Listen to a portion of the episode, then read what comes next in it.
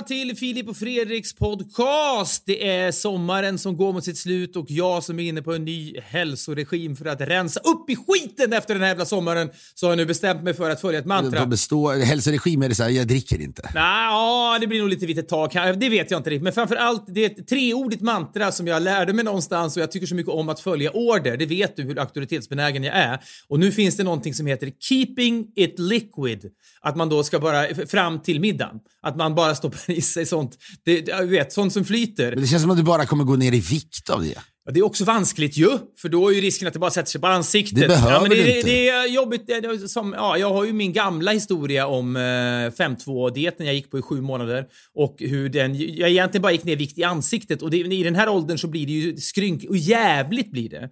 Och jag minns, det här kan jag ha nämnt i podden, jag är osäker på det, men när du och jag käkade middag med Jonas Gardell för två år sedan kanske. Och jag eh, sträckte mig efter brödkorgen och Jonas Gardell sa Nej, bröd äter jag inte, då blir jag för tjock. Men det behöver inte du bry dig om förstås, sa han. För att han antyder att jag har en smal kropp.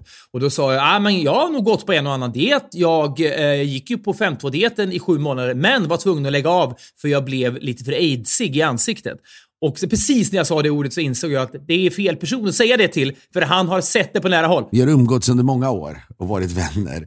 Men jag vet inte om jag någonsin har frusit så mycket till is som när du sa Nej, det. men det, och sen så, äh, så gick det några minuter och sen så bara, okej fan det där var ju uselt. Lite vibb, så här, skjuter han sin karriär i sank. Ja, men det var, det var inte så illa. Men, Fredrik Wikingsson satt, när vi käkade, jag käkade vid middag med Fredrik Wikingsson, han satt och raljerade, eh, raljerade över aids- aids-epidemin och alla mina vänner som dog under nej. den perioden. men han, äh, han äh, Det är svårt att kravla sig upp ur det att kravla sig upp ur klaveret. Nej, men det, det gick, eh, gick eh, ändå förhållandevis bra och, och jag har stora förhoppningar på den här då, regimen. Det är så lätt när man bara bestämmer sig. Nu är det bara liquid. Fram till middagen är det bara liquid. Men vänta nu, vänta nu. Det är lätt när man bestämmer sig. Det är, det är ju det där steget, eller det är det många är inkapabla till. Även jag ganska då. Du är ju satt på denna jord för att bestämma dig för saker. Ja, eller att, att satt på denna jord för att då vara lägervakt kanske för att någon säger åt mig saker och så gör jag det. Men får, får jag bara fråga, vad var det då?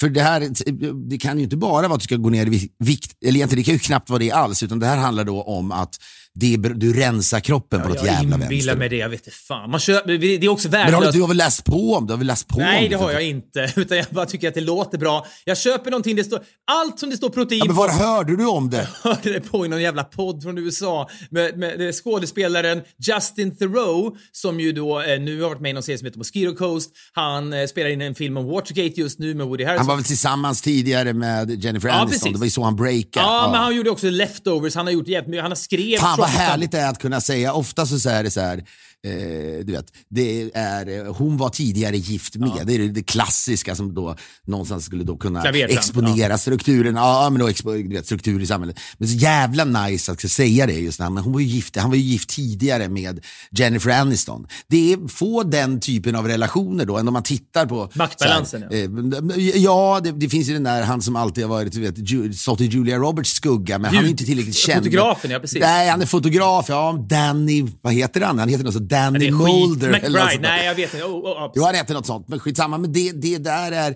lite ovanligt. Men, Oprah och Stedman är väl klassiskt också? jo, men Danny Mulder och Stedman då, som är, eh, då, vad heter det, Oprah Winfreys man. ja. Mm. De gör ju ingenting. Justin Theroux har då en egen, eget liv, dessutom, och en karriär framförallt. Eget liv har ju även Stedman, men egen karriär. Och sen är han väldigt snygg, tatuerad. Och när, han, när det kom fram att han var manusförfattare, som det var först, han blev känd som. Så Justin. Theroux, ja. Han skrev ju Tropic Thunder bland annat. Då, som är Ja, men då fick han, han, han liksom ritade lite om skolan för hur en manusförfattare i Hollywood skulle se ut. Ja, verkligen. För man tänker egentligen att Det det är är, kul. smala, är här- ja. smala, spensliga Harvard, tidigare Harvard-studenter med usel hållning. Ja. Det är de som har skrivit alla mästerverk. Plötsligt kommer liksom en knullmaskin Men tatuerad så här, och. Helt nytt på framsidan av Variety då, som är branschtidningen i USA. En manusförfattare med bra hållning. Det här blir spännande. Och rutor och QKV och hela Hur paketet. ska det här gå? Och så kommer Tropic Thunder ut och är en supersuccé.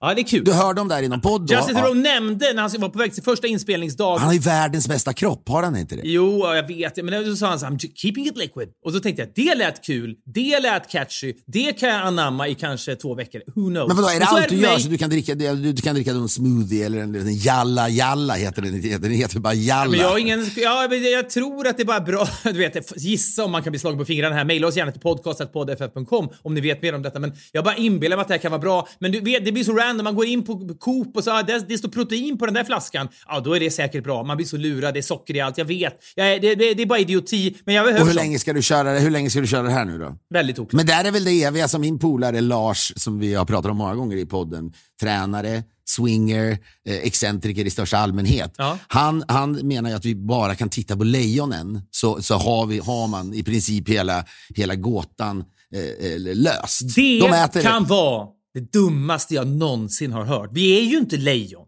Där dör tesen. Ja, men i, Vi grund och bo- ja, men i grund och botten är vi väl varelser. Vi kan lika- Lars är fan en jävligt, jävligt smart människa. Det han försöker säga i detta, det är ju att vi, vi behöver inte äta så mycket som vi gör. Och det är ju sagt i alla, jag menar 5-2-dieten är så att säga snodd av lejonobservationer. Well, ja, ja, mm. Nej, men jag menar så här, jag menar, de, jag, de jagar en gång i veckan och sen Ja, så äter de. och sen ligger de och så- bara, jo, men sen Däser, ligger de och ja. däser och det är väl det ja, som men är de, problemet. lejon behöver inte spela in Alla mot alla fyra program per dag. Nej. De behöver kanske lite Men det är inte tillskott så att det, det, jag tror inte man behöver äta så mycket när man spelar in alla mot alla. Men det, man blir ju oftast ändå pigg av att inte äta, känner jag. Men, men det är ju någonting att välja lejonen för att det är ett sånt sexigt djur också. Det, om, om vi nu bara ska jämföra oss med varelser så kan man ju lika gärna liksom jämföra oss med en bläckfisk. Titta på bläckfisken. Men, Men hur ofta äter en gorilla då? De står väl och käkar hela tiden? Det känns som att de snacksar hela tiden. titta på hästar skulle man kunna säga. De går ju oav, eller kossor, de går och tuggar Jo, igen. men ta på något som- oh. Vi delar väl lika med, det det är mycket DNA med en kossa Men som ett vadå, lejon i sig. väl om du skulle käka liksom gräs hela morgnarna eller hela dagarna. Det är den nya dieten. Man går bara och liksom... Keeping it grassy. Keep it grassy. Ja, det är inte så att de, de vräker inte i sig massa kolhydrater ändå. Eh, Det är inte gröt. Så här. Det är inte att de går och slickar i ett, liksom, i en, du vet, ett badkar med gröt, kossorna. Utan de, det, är, det är en ganska light diet. Ja, det är det det, det, det går väl att jämföra med att det är liksom morotstänger, även om det är så jävla mycket socker. Väl i morot. Stava. Men, Men, men, jag, jag, det, det gläder mig och jag, är lite, jag blir lite sugen på det här. Jag måste bara fråga dig den. Man kan dricka vad man vill. Jag menar, man kan inte dricka Coca-Cola. Men det, det, du, är, du är inte så, du är inte så eh, hård mot dig själv med vad du kan dricka. Eller måste allt vara då sockerfritt? Och Nej, det jag, måste vara... nej. Tror du att de här jävla proteindryckerna man köper Nej, det är sant, det är socker? sant. liksom, Nej. nej, jag vet, jag, jag, så här, av allt jag har gett mig på, och jag har gett mig på mycket genom åren i inbillade försök då att bli, att bli renare och må bättre, så är nog det här det jag är minst påläst på, men jag är fortfarande kvar i sommarmode. Jag orkar inte sätta mig in i det. Jag säger bara en sak. Titta på lejonen. Vi är denna vecka sponsrade av ATG och en sak ska jag nu berätta för dig Fredrik. Det är att det är premiär nu för Svenska kuppen i handboll efter 30 års träda. Vad fin, varför finns det ett slags skimmer över, över handbollen? Det är någonting med namn. jävla, du och ditt jävla skimmer. Jo, men det är vet, Redbergslid, kroppskultur, alla de här. Det är någonting med... Min Sävehof. Ja, min barndoms, Guif. ja, min barndoms Ystad. radiosportsändningar och hur jag satt och lyssnade på dem. Och namn som kroppskultur. Japanare va? Ja. Vi kallades japanare. Vi, Det där när, man liksom, när en kille kastar in bollen så att den liksom åker in lite in, för, in i målzonen där man inte får stäffa, stä, äh, då sätta sin fot som, som, som ha- handbollsspelare. Det är målvaktens residens. Mm. Men om man då tar den i luften och skjuter bollen direkt i mål, då är det alltså då är en fulländad japanare. Allt det där lärde man sig när det begav sig. Ja, det kanske är 30 år sedan nästan. Mm. Men nu då är det så att Svenska cupen i handboll återinförs. Eller ATG Svenska kuppen som den heter nu. Och Eh, eh, gruppspelet då i den här, eh, eh den här kuppen spelas under perioden 12 till 29 augusti. Damerna och herrarna har ju då samma upplägg. Det är 32 lag som gör upp i åtta fyralagsgrupper där ettorna och tvåorna går vidare till slutspelet. Detta blir någonting att se fram emot. Man kan spela på det. Man måste vara 18 år för att spela. Man kan kontakta stödlinjen. Vi säger stort tack till ATG. Vi är denna vecka sponsrade av Hedvig, försäkringsbolaget som ritar om kartan för vad bra service kan vara. Det är någonting när man möts av, av eh, tröghet och dålig service som, som sätter sin prägel på hela dagen. Man kan liksom få ett mörkt moln över sig. Det kan gå ut över nära och kära. Men antitesen till det då, när man, när man helt plötsligt slipper den här friktionen och det här mörka molnet. Det är som att det är liksom I can see clearly now, som den här låten går, When the rain has gone eller någonting. Det är bara åh, det är lättare att andas, man blir en fri person. Du låter väldigt esoterisk och innerlig. Aldrig har en människa pratat på det sättet när människan pratar om ett försäkringsbolag. Eh, men nu är den tiden kommen eh, med tanke på hur Hedvig har revolutionerat det här. Att kontakta ett eh, försäkringsbolag betyder inte per automatik att man får ångest längre utan servicen när man vänder sig till Hedvig, den är grym och fort går det som djävulen. Dessutom finns det ett erbjudande som alltjämt gäller. Med koden Filip Fredrik får den som lyssnar 50% rabatt i sex månader. Gå in på hedvig.com slash Vi säger stort tack till Hedvig. Men apropå Justin Theroux så finns ju då, han är en av de här skådisarna som Liam Neeson, det finns några stycken som är, ah, han är välhängd. Det finns den typen av, du vet, folk har sett honom i kalsonger i någon film och tänkt jävla vilken pjäs. Fassbender, samma sak. Det finns vissa sådana här som får den bilden. Och, eh, och apropå det så läste jag en krönika i, i DN häromdagen som jag tänkte, är det här en av de modigaste krönikorna jag någonsin, eller dumt, jag vet inte riktigt vad det är, men det, är, det kändes ändå väldigt nytt om man tänker på, på DNs vanligtvis väldigt torra ton i sina krönikor. Så är det då en man som heter Augustin Erba, jag har inte jättekoll på honom, men han är då krönikör. Ja. Hans eh, krönika har rubriken “Sluta omedelbart använda ordet storkukslugn”. Eh, och då skriver han då så här. Storkukslugn är ett stigmatiserande uttryck och jag vill att vi slutar med det omedelbart. Jag vet att det framställs som att, att det vore ett privilegium, men det är bokstavligen en börda. Vem gjorde då dig till talesperson för storkukade? Kanske någon undrar. Och svaret på den frågan är tyvärr naturen. Jag kan inte hjälpa hur jag ser ut eller hur jag är skapad. Jag hör till dem som blir glodd på i omklädningsrum, som måste ha boxerkalsonger som går en bit ner på knät. Ah, fan, det är det sjukaste jag har hört där. Det är det sjukaste jag hört. Som Ja, gå inte kan ha vilka badbyxor som helst. Vi är en mer utsatt grupp än många förstår. Det har hänt flera gånger att människor har skämtat om stora kukar vid middagar, särskilt efter alkohol. Och jag vet att jag borde ställa mig upp vid middagsbordet och ropa “Jag har faktiskt en stor kuk”, men jag sitter skamsen och stirrar på mitt vinglas. Vi blir diskriminerade i arbetslivet. Jag själv har lärt Va? mig... Va? Va? Vänta, vänta nu. Han menar alltså... Vadå? Att, att det är svårt? Han, han... Jag kommer till det, antar jag. Jag själv har lärt mig att hålla tyst, men jag har hört rykten om en olycksbroder som under anställningsintervjun utan omsvep påtalade att han hade en stor kuk och inte fick jobbet. Det låter helt galet. Men det här måste vara ett skämt. Det är ett skämt. Den här är inte på allvar. Nej, jag vet inte. Jag vet faktiskt inte. Det är omöjligt att det är på allvar. Det yttersta beviset för att storkukslugn inte existerar är hur jag känner inför detta ögonblick då jag kommer ut som innehavare av ett privat Eiffeltorn. Istället för stolthet över min lekamen känner jag mig illa till mods över denna text. Jag påminner mig om att det är slumpen som försett DN med Midgårdsormen och att jag lika gärna kunde haft en marginell byxsnok och jobbat på Svenska Dagbladet. Det lugnar inte. Det borde helt enkelt heta storkuksoro. Jag vet inte. Alltså är det så att det här är en drift med eh, någonting, jag vet inte ens vad, så är det ju så att 99% av läsarna som läser saker i tidningar tänker det som står i tidningen stämmer. Satir helt, eh, och ironi är helt omöjligt i text. Så människorna som läser detta är ju helt hundra på att Augustin är Det allvarlig. krävs ju en, en The Onion-logga Ja. för att man skulle förstå Ja. det här. Och The Onion är ju då den här Satir, ja. Eh, så här, om han skriver det här och det är ironiskt, inte sagt då att han har en liten kuk, utan någonstans, ingen vågar skriva en sån här artikel, och att han aldrig avslöjar detta, om det inte finns en del två på det här på något sätt, där han ha ha ha reaktionerna var starka, då är han ju en väldigt modig Jag komiker. säger ju det. För först tänkte jag att han är modig för att han vågar skriva något så här jävla. Finns han? Ja, Augustin Erba finns absolut. Jag, eh, Det är inte en, syno- det är inte en, en, en pseudonym. Nej, och jag, när jag ser bilden på honom så har han liksom ett, han, han är liksom skallig, han ser ut, han ser välhängd ut på något sätt. Så det, ja, det stämmer säkert. Så det är någonting med det här som är det, det är den orenaste texten jag varit med om på länge med ett så pass ändå eh, eh, tabubelagt ämne. Jag måste se honom. Erba, han stavar Augustin Erba, E-R-B-A, eller? Så får du avgöra på bilden om du tror, vi se du tycker det var en kännare kring sånt där.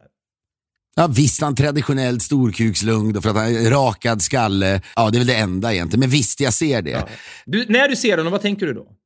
Ah, jag tänker inte direkt, han är inte den klassiska storkuks-auran, måste jag påstå. Nej. Men det är någonting med det här som inte stämmer. känner jag. Men jag, jag vill att det ska stämma givetvis. För det, det, det jag sitter och tänker på är ju den här, du vet den här Pal, när Palmes klassiska tal, när han pratar om eh, hur främlingsfientlighet föds och framförallt Ja, hur, gror, ja. Ja, gror, precis. Och det är så, det är så förankrat. Du vet så här, när Palme pratar dramatiskt om det, att det är så, den gror på arbetsplatsen. Vår underbara klippare David Mer kanske kan lägga in 15 sekunder, för det är alltid lite gåshud. Ja, eller är lite mer, li, lite mer kanske än 15 sekunder. För att då när man lyssnar på den den här gången så ska man inte tänka främlingsfientlighet utan snarare utanförskap. Att, att han blir diskriminerad på jobbet när då för sin Ja, stora exakt. Man kan tänka att Augustin Erba och äh, andra människor i hans situation eh, drabbas av det som Palme pratar om för, på grund av sina stora kukar som de då har råkat påtala. Fördomen har alltid sin rot i vardagslivet. Den gror på arbetsplatsen och i grannkvarteret. Den är ett utlopp för egna misslyckanden och besvikelser. Den är framför allt ett uttryck för okunnighet och rädsla. Okunnighet om andra människors särart. Rädsla för att förlora en position, ett socialt privilegium, en förhandsrätt.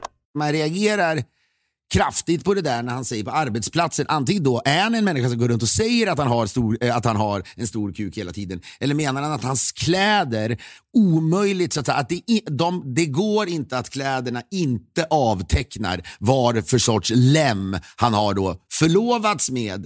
Eh, eller möjligen då ja, utrustats med och det, det, det är ett okanbär. Ja, jag, jag, eh, jag, vet, men det, jag minns att det var en krönika som en kille som heter Erik Helmersson tror jag, skrev för kanske två år sedan som handlade om, det, det kom väldigt mycket filmer om 1968 då. Du vet, det kom någon tv-serie om det, det kom dokumentärer om det och han skrev då “Snälla kan inte någon ta grepp på 1968?” Eh, Och då eh, var han ju ironisk i hela krönikan på ledarsidan då. Eh, men detta för att han tyckte det var alldeles för mycket om 1968, nu räcker det. Men genom att han var ironisk så då eh, mejlade jag honom efteråt, hur såg det ut i mailboxen efter det där? Och han skrev någonting i stil med, ja ah, men 99% missförstod. Det går inte! Så att jag tror därför att han, Ja, och det här måste jag säga, den, den ironin är ju mer satirisk. tycker jag, ja, satirisk också, ja, men någonstans mer lättgreppad. Det är inte så att det, är inte så att, att det, det förs en, en, en konstant debatt eller att det här är top of mind för folk, det här med storkukslung. Det är något som sägs ibland, men det är inte, det är inte modeordet på allas läppar. Nej, men, ja, det har ju ändå, det har sannerligen florerat de senaste två åren har det ju verkligen varit i media. Jo, men det är ju liksom utspritt. Det är inte som på att Twitter bara på en månad har det hade varit bara på en månad och Netflix släppt fyra dokumentärer om storkukslung samt liksom Justin Theroux eh, eh, komedi om Ja, nej, alltså det, det, är ju- Sant. det, det är ju... Det, ligger, det, här, den här, det är det som är intressant med den här krönikan. Den kommer från ingenstans. Det vore en sak, jag minns när uh, Once upon a time in Du Hollywood... kan inte, jag vet att du, för att inte bli slagen på fingrarna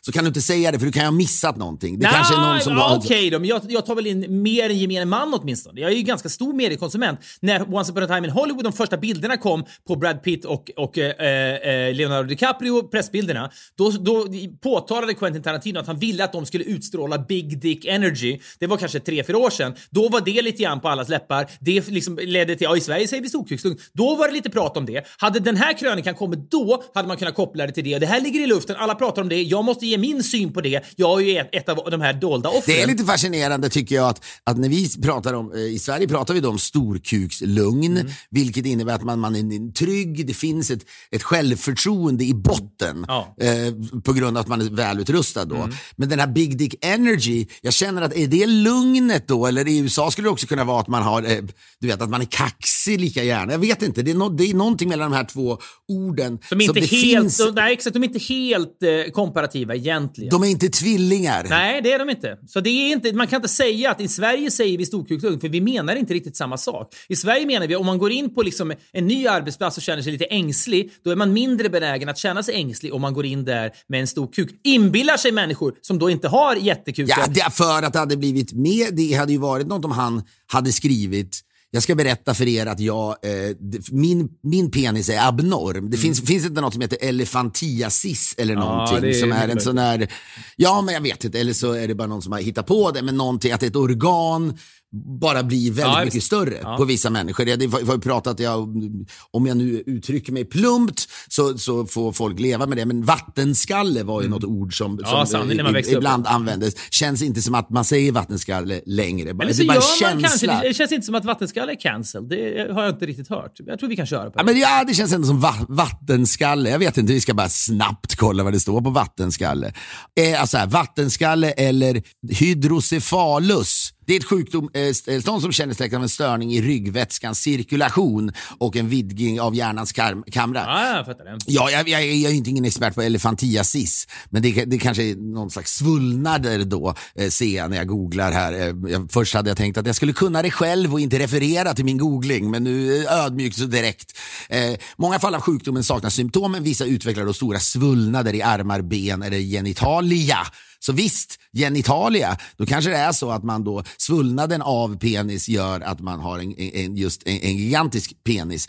Eh, men det, men det, det, hade det varit det, att han hade skrivit att min kuk är så jävla stor, men det är, också, det är, det är sjukt, jag kan inte använda. Ja, men så här, jag kan inte använda den för det är galenskap. Det han ändå skriver, eller det han antyder känns som att han har en väldigt solid penis. Den är, det är, den är solid och bra. Soli- ja, ett praktexempel. Jag menar, eh, två varianter på det här. Det ena är så här. Min eh, penis är fylld av vatten, den är obrukbar och det här med storkukslugn känns för jävligt. Ja, just det. Då blir det så här, precis. Det, det blir förolämpande mot mig. Ja, exakt. Eller jag har en så kallad mikro. Nu är det min tur att berätta detta och jag hatar när folk använder storkuksord för det antyder att jag som mikrokuks, eh, då är det mikrokuksoro. Att det är liksom en konsekvens av det. Nu berättar jag för världen om min mikro. Det gör han ju inte heller. Alltså för är, det, är, det, är den inte då satirisk på något sätt, då framstår han som en av världens mest dumma i huvudet människor. Nej, det, jag vet ja, det, Ja, visst, då kan man, jag, jag, jag tänker inte dra in, det är inte så att han ska starta Hard Rock Café med Erdogan. Alltså det, det är inte Nej. det jag säger. Nej, eller- eller ett Hard Rock Café för storkukar. Nej, men jag menar att prata om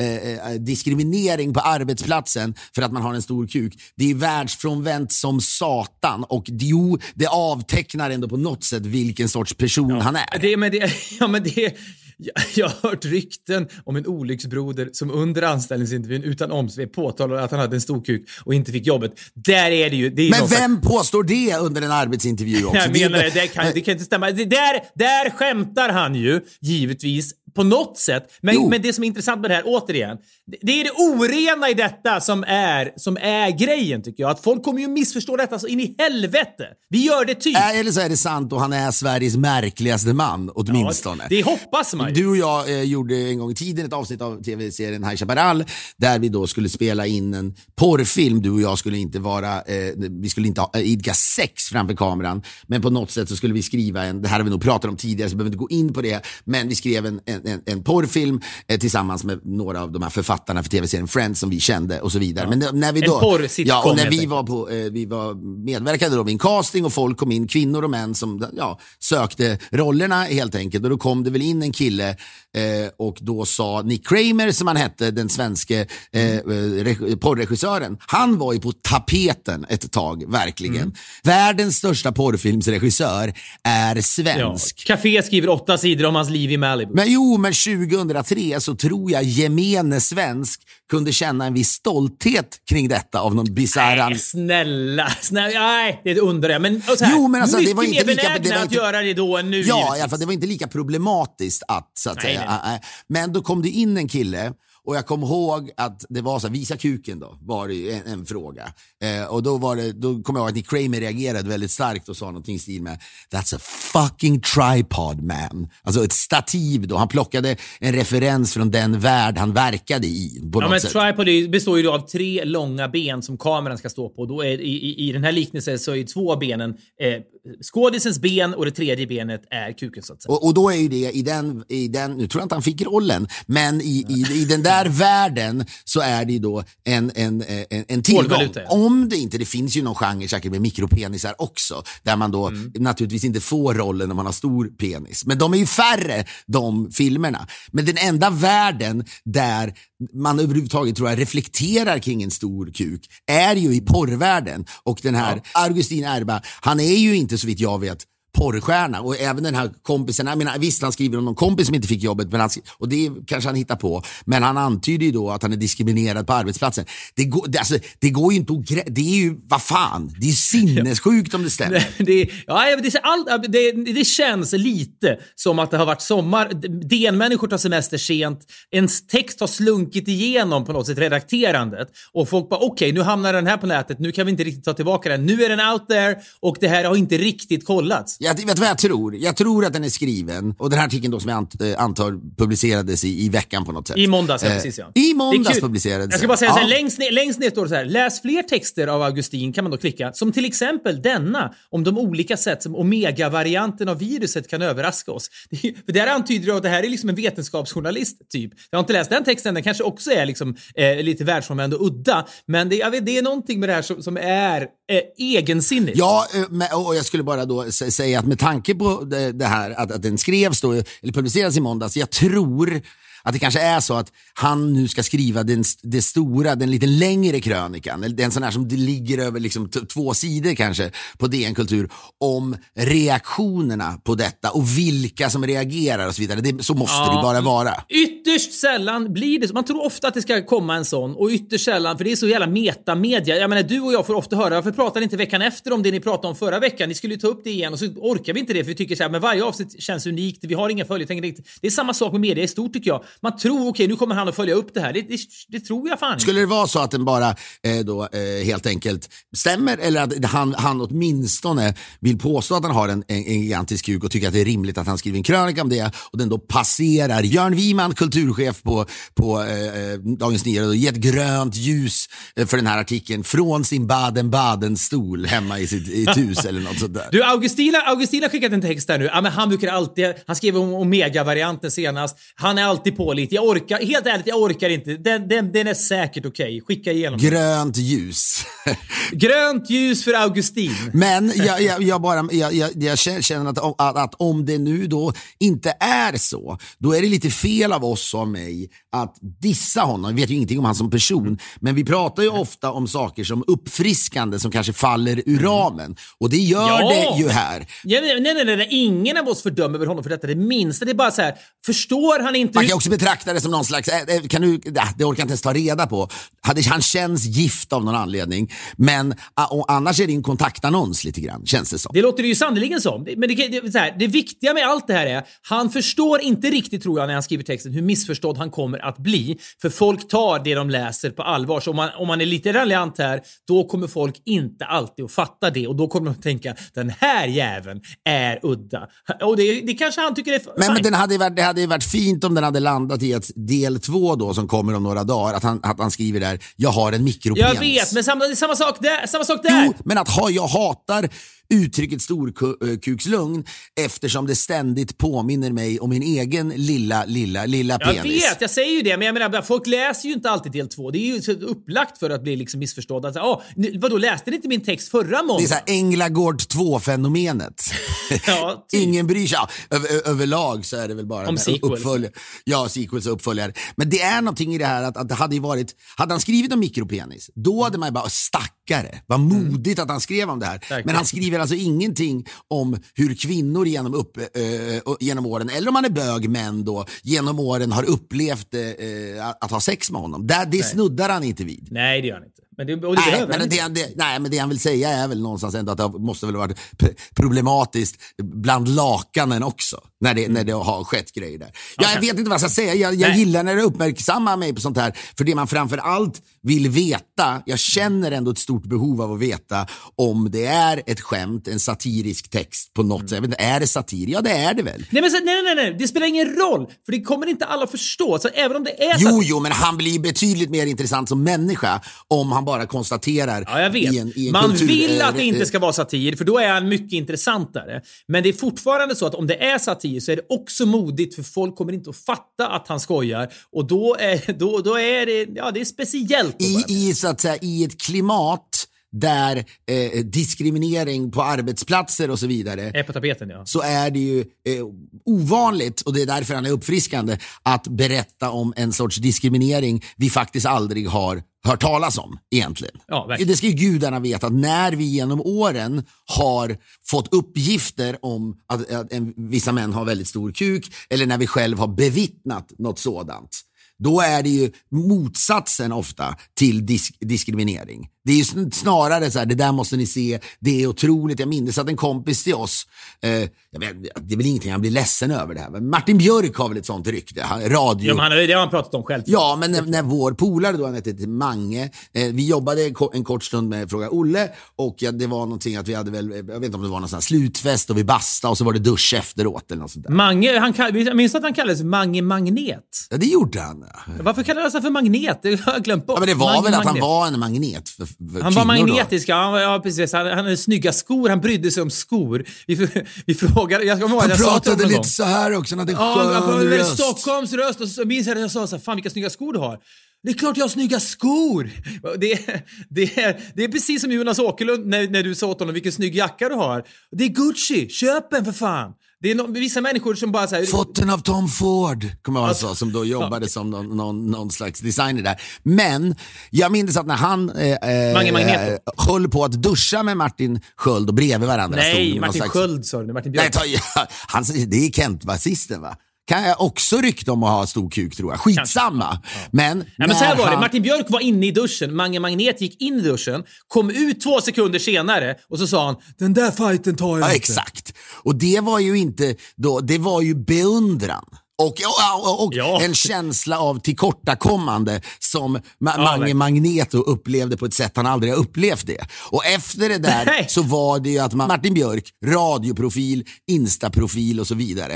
Eh, när han eh, så här, kommer ut ur duschen där så är, har ju saker i grunden förändrats på den här Förändrats, arbetsplatsen. ja. Men det är ju inte Ja. diskriminering utan det snackas Nej. om det med ett, ja det är ju så att alla blir nyfikna och han, han har något vi andra inte har. Och, eh, man, Ja, och han, ja, men så här är det också, och det känns mer okej att prata om detta för att han själv får alludera till det i olika poddar. och Har sin- han det? sin YouTube-kanal. Ja, det tror jag verkligen Du att han har. tror? i Nyckelordet är och nyc- Ja, det tror jag verkligen. Och jag tror att jag har sett detta. Men det är inte det, det, det var lustigt för att jag eh, det kan leda över till ett annat samtalsämne bara. För att jag såg ett avsnitt av Curb Your Enthusiasm för massa år sedan. nu får du passa dig. Ja, jag vet. Men Larry David, huvudrollsinnehavaren då som också var med och skapade Seinfeld, han är i bild och så står han eh, på ett poolparty, ett barnkalas, där eh, värden som har festen, barnkalaset, hans son kommer springande naken och Larry David reagerar på att sonen har en sån stor penis trots att sonen bara är fem år. Och he's got a great penis on him. Fast sonen bara är fem och den här värden blir då superirriterad för Larry David, han, han trampar ju klaveret med den typen av, av påtalanden då hela tiden. Han är ju ganska rak och transparent och han reagerar på att fan sonen har en vuxen mans penis. Det tycker han är lite imponerande och det gillar ju inte sonens pappa att höra. Ja, men ska, det ska sägas dock att i USA är eh, kulturen kring detta väldigt annorlunda eh, gentemot i, i, i, i Sverige exempelvis tror jag. Men jag kommer ihåg när min, när min eh, son Tage eh, höll på att, att komma till världen. Det var några månader innan, det var ultraljud och så vidare. Och då eh, så såg, eh, såg vi på den här bilden och det var inte mycket mer om det. Men sen när vi kom ut därifrån, för det var ju en, var en sjuksköterska som skötte själva ultraljudet och hon, ja, och hon sa ja men allt ser bra ut och så vidare. Och sen kom då den här, eh, den här läkaren fram till mig Just vad heter han nu eh, igen? efterat när satt, ah, Dr Goldberg Ja, som du pratar mycket om då. Han var Eh, extravagant Men då sa han till mig, God, man you got nothing to worry about. Och då säger jag, ja, oh, no, that's nice. It's, it, it's a good size penis, sa han till mig. Fy fan vad sjukt. Ja. Ja, jag, tror- jag tror bara att, jag tror att i, i ett USA, den typen av alfahane-kultur och, och, och så här, eh, ja. upplyftandet av, av människor som har stora kukar och som är manliga, den är, ser helt annorlunda ut i USA. Så därför tänker jag att när Ja- Larry David säger det här så är det inte ett lika stort klavertramp som om du skulle sagt det på en, en, en fest i Sverige. Nej, om du hade inte. gått fram till Skavlan och, sagt, och frågat det här exempelvis. Men Barack Obama har ju då eh, ett jättestort hus på Martha's Vineyard. Jag har sett flygbilder på det, det ser helt otroligt ut. Han har då, eller ska, jag vet inte inte exakt hur det ligger till tidsmässigt, men fira sin 60-årsfest. Han har då bjudit in 497 pers för att det är liksom under någon slags 500-gräns för pandemin. Alla är vaccinerade eller liksom kollade. Allt ska vara by the books. Eh, och detta ska ju då bli årets fest då i, i hela USA. Alla pratar ju om det där. Det är så otroligt mycket kändisar förstås. Och en av de som var inbjuden dit var ju då Larry David, eh, som säkert då eh, såg fram emot detta. Men när Obama fick massa medial skit för att han ordnade den här festen mitt under en pandemi som ändå inte riktigt ger sig, då var han tvungen att trimma gästlistan. Oväntat taktlöst av Obama. Lite kanske. Ja, väldigt oväntat. Han känns ju som världens mest kontrollerade människa. Ja, jag vet. Det är någon som har sagt åt honom det är bara att köra Barack. Du kan köra 500 pers. Den personen gjorde ju uppenbarligen en missbedömning för att Obama var ju då tvungen att trimma gästlistan som man säger då på amerikanska de-invite, det vill säga skicka ut. Jag vet att du är bjuden på det här. Jag är ledsen, men nu får du inte komma längre. Fan vad smärtsamt för vissa som har, du vet, det har ju jublats. Ja! Men kan du tänka dig alla de människorna som har blivit, de, och man vet ju att de finns, de som men folk du har vet- börjat fantisera om vad det är för kläder du de vet ska ha så på här, sig. Ett, man ska få åka till Martha's Vineyard, jättefint där ute. Två, man ska besöka det här fina huset. Man ska få träffa Michelle och Barack som är ju jättetrevliga. Man kanske inte är jättebra vän med dem ändå. Och ah, det är årets fest framförallt. Och vissa människor, jag menar, jag, jag såg att eh, New York Magazine hade rubriken att nu är return of FOMO. Eh, pandemin har inneburit att FOMO, alltså fear of missing out, har inte riktigt funnits under pandemin för ingen har räknat med att någonting kul ska hända. Men den här sommaren är the return of FOMO. Äntligen räknar man med, eh, på gott och ont då, eftersom det drabbar, FOMO kan drabba en att oh, nu missar jag grejer, men det har jag inte gjort på 18 månader, så det är liksom, nu är det en grej igen. Och att då vara bjuden till Obamafesten och sen få inbjudan tillbakadragen, det är ju the mother of all FOMOs ändå. Och Larry David var då en av dem som först blev inbjuden och sen, in, sen fick inbjudan tillbaka. David Letterman var också en sån.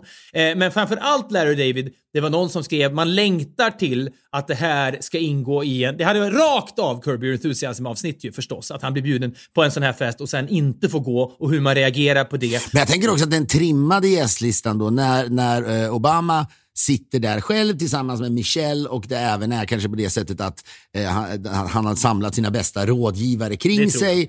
Ja, Givetvis. då har det ju varit väldigt viktigt tror jag, att trimma bort just kändisdravlet. Ja. Naturligtvis. Ja, Ja, men det, det, det är vettigare, men Malala skulle ju inte trimmas bort från en sån Nej. lista.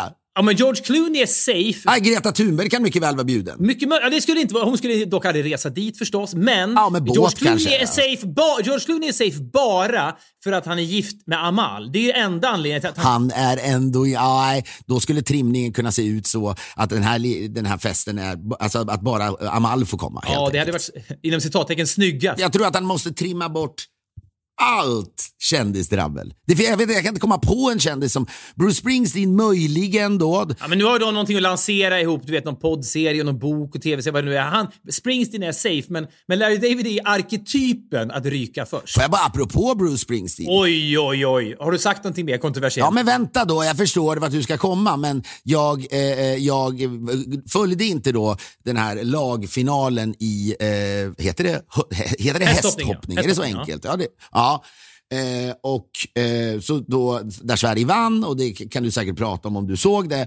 Men då den där andra tror jag ryttaren i det här, med tre personer i ett lag och sen är det väl då rivningar och totaltid och sånt som till slut be- be- bestämmer vem som vinner. Men då är det då Jessica Springsteen som hoppar för, eh, för USA, dotter till Bruce Springsteen. jag har sett live i Friends Arena på någon horse show där. Så att det, det, henne har jag järnkoll på. Ja, kul för dig. Och jag, jag tror att någon, hon var på omslaget tror jag, på Cosmopolitan med sin farsa för några år sedan. Och det var ju innan hon hade breakat, så man kan bara se framför sig när hon säger Dad, jag får Cosmopolitan-omslaget om du är med. Eh, hon, kan möjligtvis ha, hon kan möjligtvis ha en relation till sin pappa och hon bara försökt döda det där liksom, informationen om att eh, hennes pappa är Bruce Springsteen. Det verkar inte så när man läser intervjuer, men man kan se en suckande Bruce Springsteen som älskar sin dotter, men sen då tvingas eh, då pryda omslaget på den här tidningen som inte möjligtvis helt korresponderar med då Springsteens e- egna eh, lyrik så att säga.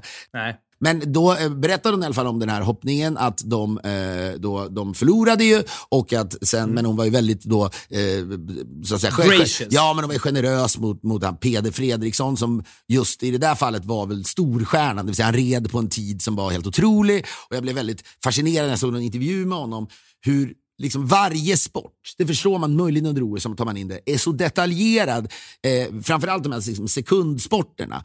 Eh, en fotbollsmatch kan ju vara något, något an- annat som, som avgör va- varför ett lag vinner. Men jag såg någonting bland annat om, om diskus, där de här två svenskarna eh, då blev ett av Ett två. två, ja. Mm. Men när han då, Simon, berättade om hur ett diskuskast ska utföras på det bästa av sätt.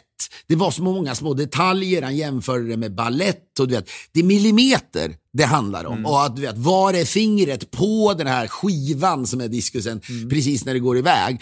Och då tänker man, för fan, ja, och det där bara tar åratal. Du nöter och du nöter och nöter. Samma sak du vet när man hör om Sara Sjöström pratar om en, en, en du vet, målgång. Men målgång känns ju pissenkelt. Alltså inte att det är enkelt att utföra, men Simma in i väggen! In Ja, i men också, jag menar att det där har man hört talas om så länge, fattat en detalj. Men det finns så många andra sporter där det, är- där det är liksom en, alltså det, det finns även i simning säkert, men det, detaljerna är sådana vi inte kan greppa. Och jag hörde då när Peter Fredriksson sa att han någonstans improviserade, något man liksom inte gör och, och, mitt under en brinnande final. Att han tar färre steg, han säger åt hästen att ta färre, eller säger åt, ja, han tar helt enkelt färre steg med hästen före Jag minns när jag såg dokumentären som vann Oscar, tror jag, Free Solo tror jag den heter, när någon ska då klättra upp för The El Capitan, tror jag det heter, någon jätte, jättestor klippvägg i Yosemite i national, nationalpark. Ja, precis. Och det har massa människor gjort med eh, olika remmar och selar och sånt där för, för att safea. Den här personen ska bli den första att göra det helt fritt. Ut. Det är livsfarligt Kan, förstås. den här filmen kan ju verkligen Ja. rekommenderas. Han är en Otroligt. dåre, den här mannen. Ja. Men jag då i min naivitet innan jag ser filmen tänkt klättra, ja man klättrar upp, oh vad ska, vad ska jag göra nu då? Jag kanske går dit. Men självklart är det så, det inser man direkt när man ser filmen.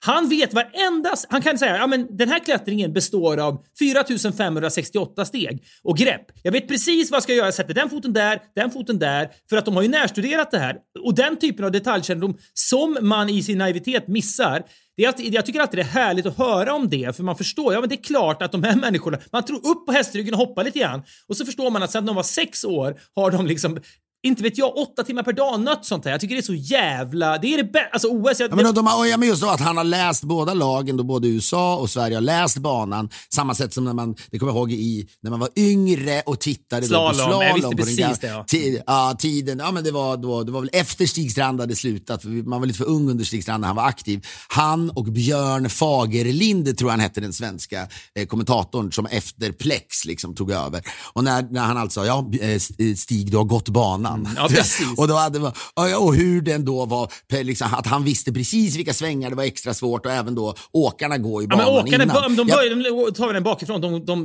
det är också jobbigt att gå upp för en, en, en skidbacke i skidor, med skidor på. Men det gjorde de alltid, minns jag. Att nu, nu har Ingmar... Nu, de gick upp här, det visste jag inte. Jag trodde att de Nej, men de åkte- stod där nere var så tog de steg för steg upp och tittade port för port. Det måste väl tagit dem, inte vet jag, en timme att gå upp för den här banan. Redan där, så där insåg man som sexåring när man kollade på Stenmark, just det, han går upp! Du vet, själv tyckte man jobbigt att gå fyra meter med slalomskidor. Bara det var en indikation på, okej, ska du bli bra på någonting måste du lägga ner tid på det. Så var det ingen uppenbarelse som gjorde att man orkade det, men det gav kanske någon slags eh, grundläggande känsla av att det Ja, krävs det, och någonting. det då Peder, Peder Fredriksson gjorde i finalen var att han då insåg att eh, Jag måste rida den, snabbt nu. amerikanen, den, den sista hade ridit jävligt fort och det var väl inte, det var inte Jessica Springsteen tror jag, utan det var den som var, eh, efter, efter henne då. Hade ridit så att, hur kan jag kapa tid där då? Ja, jag får helt enkelt ta sju istället för åtta eh, kliv eh, innan någon, någon då, eh, något av hindren. Lyckades med detta och rekordtid vann eh, eh, då OS-guld till Sverige tillsammans med då Malin Barriard som också hade vunnit sitt heat så att säga. Och Erik, och Erik von Eckermann som tyvärr, det är någonting med, det var någon som sa det är synd att Sverige bara är bra på monokelsporter som segling och ridning, men det är någonting med, det, det blir ridningsguldet liksom snäppet mindre härligt för att han heter Erik von Eckermann och därmed cementerar bilden. Nej men alla tre hoppare i det svenska landslaget, alla de har ju herrgårdar så att säga. Det har ju inte Daniel Ståhl så att säga. Nej, det är det jag menar. Han verkar ju mycket trevlig, Peder Fredriksson. Men jag tänkte verkligen på det. Det är roligt att du tar upp det här.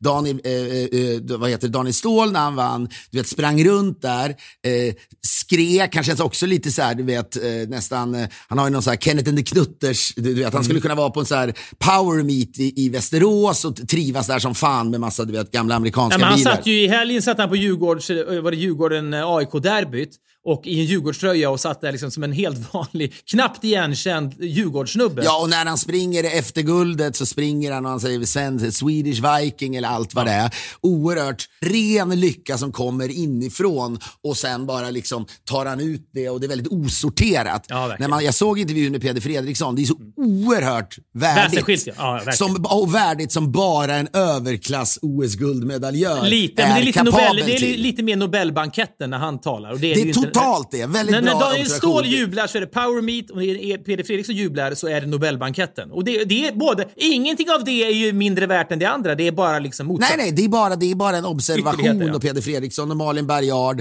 eh, är naturligtvis värda all jävla cred i hela världen för detta. Men som du säger, det är någonting... Med fondet. Den, den, så här, rå, den råa, osorterade eh, lyckan som Daniel Ståhl utstrålar gör att man någonstans, åtminstone initialt, känner, känner mer med honom. Det hade, hade Daniel Ståhl hoppat, du vet, hade varit banbrytande om han med den kroppen hade, varit ryttare och vunnit. Då hade folk blivit ännu gladare för det här adderar ju också till att hästsporten ändå är lite av en överklassport. Kanske inte när man börjar som barn och kan börja rida, men för att kunna viga sitt liv åt det här och ha liksom access till de bästa hä- hästarna. Det är väl så att H&M går väl in med, med, med liksom miljoner eh, och, och äger vissa av de här hästarna och så vidare. Inget fel i det och framförallt den sportsliga eh, Prestationen, ja. är ju Ja, otrolig. så här, ska- Innan du kan prata om hur du såg det så vill jag bara säga att jag blev så lycklig ändå. Jag vet inte varför, men när man kommer nära en Bruce Springsteen på ett annat sätt utan att jag ens såg det själv. Men hon berättade att efter silvret, hon var glad Jessica för detta. Springsteen, ja, precis. Eh, ja, och det är väl värdigt. Hon var ju naturligtvis inte superglad. Det är man aldrig Nej, när men man tvåa. återigen, när man ser amerikanerna efteråt, som är liksom trevliga i sitt nederlag. Jag, jag, liksom, jag, jag såg eh, Caroline Seger Usch, det va? var mörkt. Det var mörkt. Fan vad jag kände för den. Jag satt och såg detta på en bar i Berlin och jag bara, så här, det, hade, det är inte många människor som får chansen. Den bollen ligger då på straffpunkten, Nej, bokstavligt, inte bara jag, ute, jag, ute- jag, och åker bil, jag och åker bil och lyssnar på Radiosporten. Eh, och, och, detta. och när det börjar gå bra för Sverige och hon ska lägga sin, sin straff, då stannar jag bilen på 80-väg. Ut i vägrenen, bara blinka lite grann. För det här måste jag, nu måste jag se det här avgörandet. Drar igång Discovery Plus och kollar på det här och ser hur hon missar. Och då är det bara, ah, okej. Av med skiten, fortsätta köra igen. För det, det var liksom så upplagt Ja, men detta. just också jag menade bara att kröna sin karriär. Hon Jag var vet väl, allt detta. Det, Det var väl i princip, jo men det är inte alla som har den där chansen. Så här kan jag avsluta min karriär. Det är ganska unikt. Nej, men jag, jag säger så här, att människor utsätts för det, det är nästan som man känner sig, ska man hålla på med sport när människor tvingas må så där dåligt? Och, eh, och du vet, vad är värst? Att sitta i fängelse i fem år än att missa straffen på det där sättet? Jag vet faktiskt inte. det, vet, det där vet du ju svaret på, för fan. Det är värst att missa straffen. Men det är väl klart att det är jobbigt att sitta i fängelse i fem år. Fan, det förstår du väl att det... Tänk, tänk filmen i hennes huvud som kommer att spelas nu i, i kanske 15 Men år. Fredrik, då värdet, man, det är så här, det är, du är en privilegierad man. Säg det till en människa som lever i en diktatur. Eller som Nej, men lever... jag säger att om jag skulle pl- placeras i fängelse i fem, då skulle jag kunna läsa, jag skulle kunna göra lite armhävningar och sånt. Men jag skulle inte vilja missa den. Oerhört förenklad bild av att sitta i fängelse detta, i fem men det år. just- det finns en psykisk dimension i detta. Men Ja. Den hade jag klarat lätt. Men jag hade inte klarat det. Tror du det finns en psykisk dimension till att missa en straff på det sättet då? Jo, men det, vi snackar fem år. Skitsamma, det är ba bananas att du säger det här. Men Ja. Mm. Ja, ja, men så missade hon och det var då man, och man eh, lider ju med henne, men jag antar att det skulle komma till att hon sen sitter i tv och är värdig och trevlig och fantastisk. Imponerande att se henne vara så värdig. Helt otroligt tycker jag när hon sitter i TV ett dygn senare och gör det här. På samma sätt var det snyggt när amerikanerna sekunder efter att de förlorat då guldet ändå är bara så här glada, trevliga i bild och liksom gratulerar. Jag, jag, jag, jag imponeras nästan mer av det än av de idrottsliga liksom framgångarna eh, och, och prestationerna. För att, att ha det, den värdigheten i sig tycker jag är chockerande med tanke på hur mitt eget bedrövliga liv ser ut.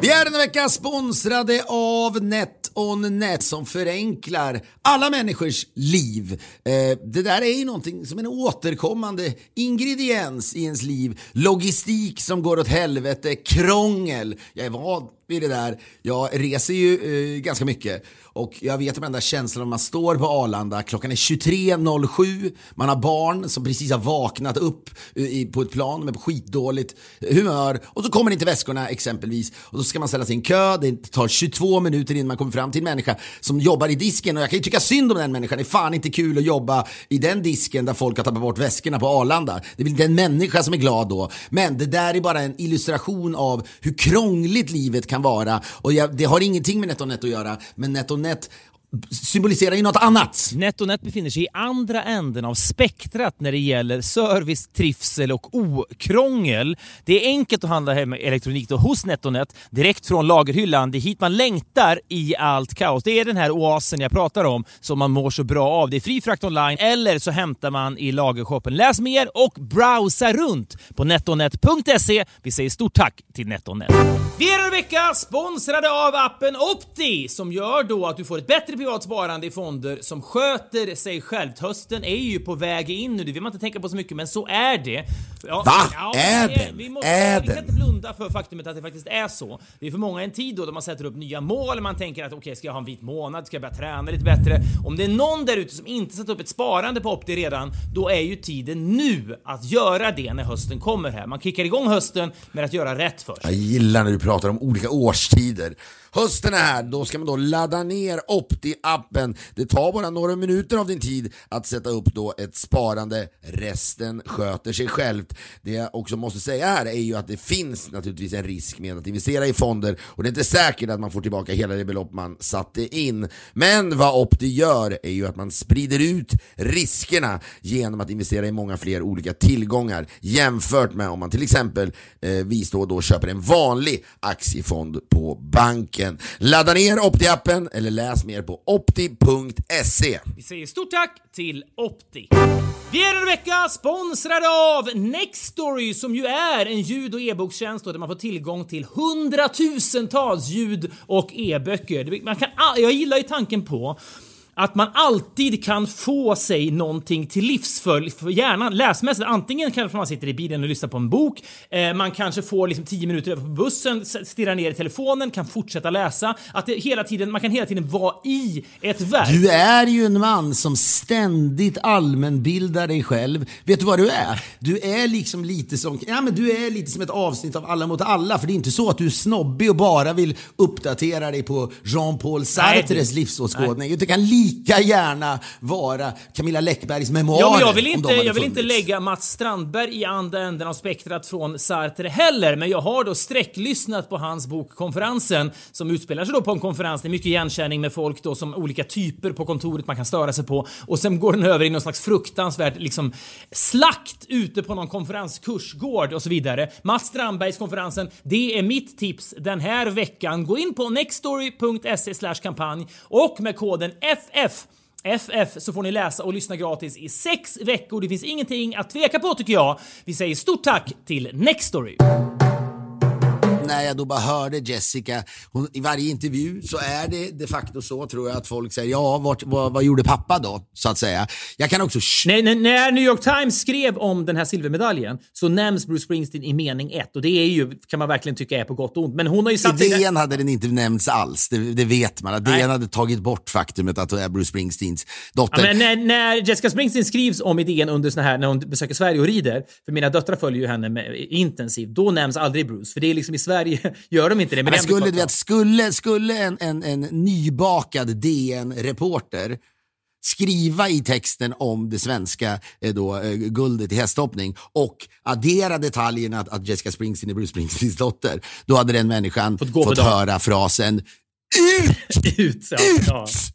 ut härifrån! Hur kan du? Men jag tycker ändå att det är fan en jävla eh, eh, härlig nugget som, som, som, som man absolut inte ska utelämna. Mycket på grund av att Bruce Springsteen, hade varit en sak om någon, du vet, din pappa var Hugo Simon, världens kändaste ryttare genom tiderna, typ. Eller, eller Passé, eller vad fan han heter, den där brasilianaren. Då, då är det inte, då, alltså, det är inte lika intressant, men det är någonstans, ska sägas också dock, apropå överklass, att det har ju stått i USA också. Pengarna som Bruce har tjänat har ju bland annat investerats i en ranch där, där det, är, hon, det är ett helt företag som hjälper Jessica Springsteen. Hon har Förutsättningarna finns Ja, ja. för att bli Verkligen. en god ryttare. Men när hon sa bara efteråt att jag ringde hem eh, och alla bara satt och skrek. Du vet, hon zoomade med dem eller någonting. Och det, man kan inte låta bli att visualisera. Du vet, en Bruce Springsteen som bara, han är ju ändå ofta, visst när han står på scen är han utlevande och så här, men se en riktig, han har ju liksom aldrig bjudit på sig själv, Nej. Bruce Springsteen ändå. Han gillar inte det. Men bara att visualisera att han liksom hoppar i en soffa och är helt galen. Och så här, det flyger popcorn i, hemma på ranchen i New Jersey. Det var någonting med det, jag vet inte, jag, jag fick jag fick mig till livs någonting Ja. av det och blev lycklig Ja, men av jag detta. blev ju då, för mig var det där, den där stunden och eh, det var extra starkt för att liksom svenska eh, liksom, eh, fotbollslandslaget hade torskat liksom, under de här bedrövliga formerna liksom, dygnet innan. Men de sekunderna under den här omhoppningen, hela omhoppningen, att då få, för mina barn är ju då tokiga i hästar. De är 12 och 14, de rider själva och liksom inte med någon Jessica Springsteen ranch sannolikt, men de, tar lektioner och du vet sådär. Nej, men de är privilegierade. Ja, det är de väl säkert. Men, men, de har, det, är, är inte på den här nivån att vi bor på en gård, de har inga hästar själva och så Har vidare. det snackats om att köpa gård? Nej, men det är klart de vill ha en häst. Det vill väl alla, höll på att säga. Men det kommer, de, det kommer de inte få. Men, även om jag har sagt någon gång när vi är på golfbanan ihop, gör jag hole-in-one nu, då får ni en häst. Och då har jag fått är liksom ta det sen. Men det har inte hänt, ska Det är gudarna. lite vidrigt. Det är lite vidrig farsa att säga. Det är som att du, må, du måste uppleva glädje, som har ändå upplevt mycket glädje, för att de ska Jag få uppleva men glädje. de, de har också upplevt mycket glädje. Men, Han köper en häst nej, till dem. nej, Köp en häst till. nej! De har fått en hundvalp nu. Och så, men, men! Det, det ögonblicket, det var, det var så... Alltså, man påminns också om vilken otrolig tv-sport hästhoppning är eftersom det är spännande var tredje sekund. River de, är det över? Oh, men det är spännande. Som med all annan sport nästan är det ju spännande när någonting står på spel, när de här kan vinna guld och så vidare. Annars är det ju vad det är. Ja, det är klart att det är. Men jag menar, när någon rider ut och har noll fel, då, är, då har de ju chansen att vinna. Och sen så river de I och för det. sig, det men jag måste säga det, det är ju bättre än exempelvis, man har ju tittat så många gånger så här, i slalom eller storslalom eller störtlopp. Då vet man att så här, ja, nu är det dags, eh, du vet, han ligger eh, 15 hundradelar efter, det är dags för, vem det nu kan vara, Anja Persson och så vidare. Och då sitter Stig Strand och säger, ja hon tog på flacken, som de ofta, det var ett Ja, uttryck. ja. Ja, att han så här, ja men att hon, hon klarade den bra och så fanns det mellantider. Men det är ju någonting med ett hinder. Det är så jävla tydligt. Han ska över eller hon ska över det där hindret. Det är, det det är som att st- tiden står still flera gånger under en rytm. Ja, men den- tiden står still var tredje sekund. Det är det som är så jävla speciellt. Och att då få dela det här. Mina barn bryr sig inte ett skit om idrott. Så jag har liksom aldrig... Mycket av min uppväxt har ändå varit framför både morsan och farsan, framför allt farsan kanske. Man sitter och kollar på Davis Cup, man sitter och kollar på liksom Stenmark, man sitter och kollar på Tre Kronor och vad det nu är. Och sen när det blir vinst så min, vet, jag sitter uppe en hel natt och kollar Sverige-USA 1980 och spelar 2-2. Och jag menar så här, det är så här, det är ett bondande ögonblick. Så när jag då får ett idrottsögonblick äntligen med dem och de blir så jävla glada och jag blir lika glad, ja. Det är någonting, och min dotter filmade sig själv också. Vi kanske kan, det, det var ett otroligt ögonblick ändå. Jag kan spela upp dem. Barn gör ju sånt nu för tiden. De sätter på rec när någonting är på väg att hända så får man se om man kan använda det eller inte. Så, så det här förevigades då, den här stunden när Peder Fredriksson rider de sista 25 sekunderna och det är så jävla bråttom och han får absolut inte rida. Skrek du mycket också? Ja, men jag, var, jag blev fan he- men det var, jag, jag, mådde så, jag blev så jävla glad att det var liksom, det var ett bondande, det var allt det som var bäst med idrott på något sätt i familjekontext. Jag vet inte, det låter blödigt nu, jag blev liksom tårögd på riktigt. Ja, men jag såg att din, eh, din fru Johanna hade också lagt ut det där. Eh, du, var väldigt, du var inte med i bilden alls där, så jag visste inte om det var ett, ett, ett familjeevent. Jag vet inte om det är translatat till ljud eller inte, man kanske behöver bilder jag kan lägga ut på Insta, men så här lät det då de sista 20 sekunderna. Det är ändå någonting med den oförställda barnglädjen som för första gången någonsin bryr sig om ett guld. Så här lät det. Gasa, gasa, gasa, gasa, gasa, gasa, gasa. 40-31 måste man klara.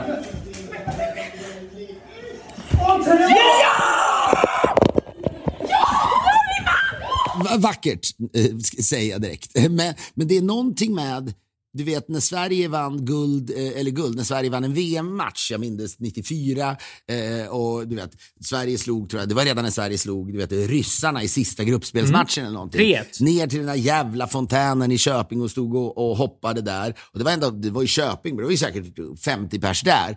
Lite jobbigt att ta hand kan jag tänka mig om den där euforin när man då sitter i en lägenhet på Odenplan med sina döttrar och sin, hela sin familj. Vad, vad händer en minut efter det där? Det, det, det är så otroligt snabbt det går ner. Firade ni på något sätt?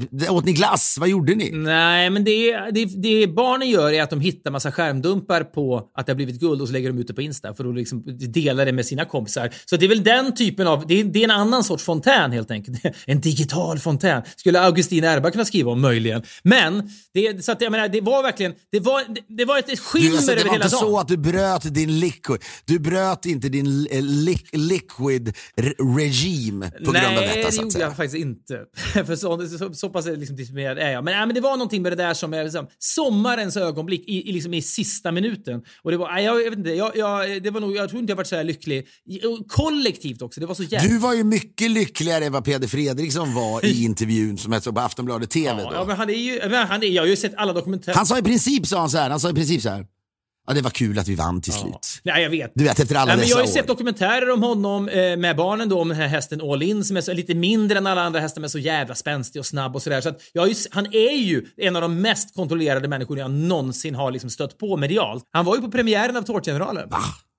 Varför då? Ja, mina barn träffade honom där. Nej, så de stämmer nämner ej. alltid det. Ja, Stämmer ej. Jo! De träffade honom i vimlet efteråt och fick säga Ja, hej men det måste, vara, de måste trott att det, måste vara någon, det är det sjukaste jag har hört nästan efter Erbas krönika. det. men men, ja, men det hade varit intressant om du hade vunnit ett sånt här guld för är ju också bildat ny skola. Jag att du skrikit i intervjun i någon Daniel Ståhl-anda då. Men jag hade väl blivit mer i Guidetti-stil kanske för att jag... Man, Alltså jag skulle vilja göra, om jag skulle göra en intervju med Peder Fredriksson, det kommer väl aldrig ske, eh, även om det hade, ja men det hade väl kunnat varit kul. Men då hade man velat, första frågan skulle vara att ställa liksom så här, vad är det mörkaste vi inte vet om dig? Mm. Alltså det måste, finnas någon, det måste finnas någonting med honom där han tappar kontrollen. Så är det väl med alla människor ändå? Är det någon som inte tappar kontroll? Alltså det måste finnas någon jävla skit på Peder Fredriksson och då menar inte jag att han då, åh, han är liksom du vet bondage-kille. Det är inte det, men det måste finnas någon, jag, jag håller med dig, jag har aldrig sett en man och det är kanske nyckeln till hans framgång också. Det är kanske Såklart. svårt, Fredrik, du kanske inte hade varit jättelämpad då med ditt, ditt liksom kokande raseri inombords att hoppa. Men det speciella med- Det ska sägas att även Malin Baryard som jag såg i en intervju med också är väldigt lugn. Det ska sägas med, med hästhoppning också såklart är ju att hur mycket du än planerar och går banan så är det också ett djur som, som du liksom, du kan ju inte stå och snacka med hästen innan. Du, är det det här? Jag tänker vi tar sju galoppsteg här. Den här hästen kan ju, plötsligt kommer en fågel flygande som den här hästen reagerar på. Eller liksom en tramparsnett eller något. Så det, det, är, det är så mycket X-faktorer i det där så jag tror, är du för flipprig som person så har du inte, jag vet inte om det har funnits någon hästhoppare någonsin som har liksom haft någon slags Guidetti-personlighet. Det tror jag inte finns. Men det hade varit roligt i någon, någon, eh, någon slags då ombytta roller anda, wife swap eller vad det här programmet heter, eller om det är husband swap fanns väl också. Att se Daniel Ståhl du vet, vinna schack-SM exempelvis, för de känns också väldigt lugna, många schackspelare, även om de genom åren har väl dragit till sig riktiga jävla nutcases som Bobby Fischer och så vidare. Men det hade varit kul att se Se, du vet, se en diskuskastare fira ett diskusguld värdigt. Ja. Det, det känns inte heller som Nej, att men det är alla rimligt. så här, spring nu runt arenan med flaggan virad runt dig. Det hör till. Nej, nej, nej, nej. Jag står gärna här och pratar sakligt och tydligt över min stora Det lycka. var kul att jag vann där. Men det är ju någonting naturligtvis med en sport som, därför det så sa också den här Simon, den här diskus silvermedaljören, att, att skriket är väldigt viktigt.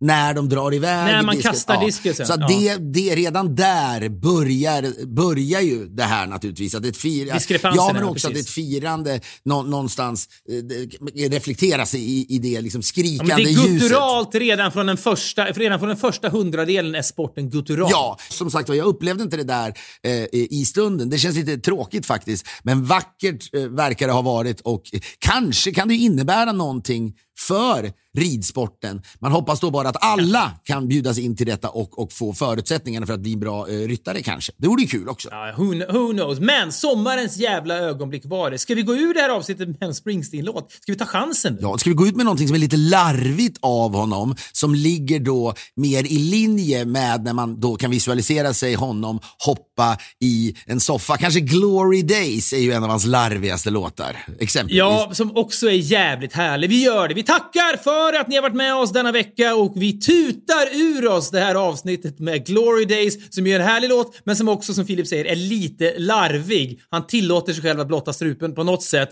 och det gjorde han även när popcornen flög hemma på ranchen i New Jersey när hans dotter tog silver bakom den fantastiska svenska trion. Sommarens ögonblick för mig och för mina döttrar och min familj. Vi hörs igen om en vecka. Ta hand om er. Hej!